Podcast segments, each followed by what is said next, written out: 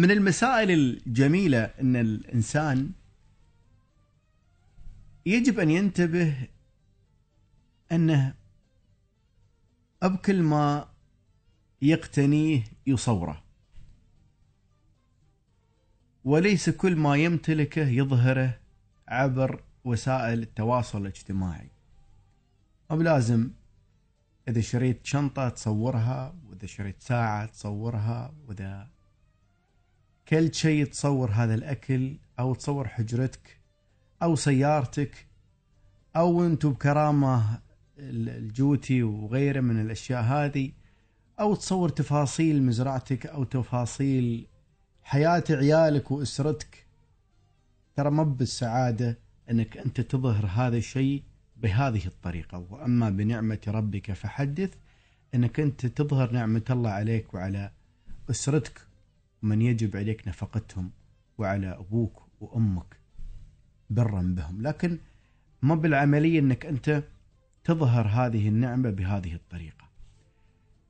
اولا لأن كثير من المشاكل قد تيك من هذا الباب وأنت ما تشعر.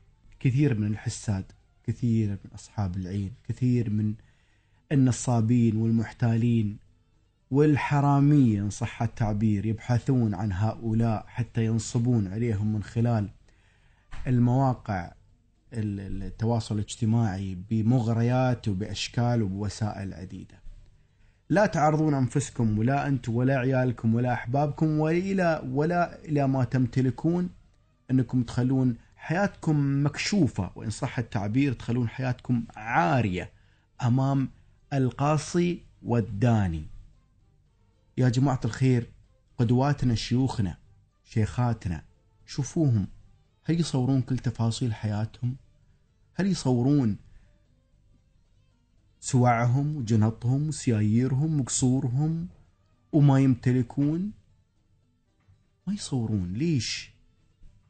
لأن عارفين معنى قيمة السعادة والرضا والقناعة مو بمسألة هذا الإظهار. وربما من يفعل ذلك هم حديثي نعمة ونوع من الفشخرة والتكبر على الآخرين.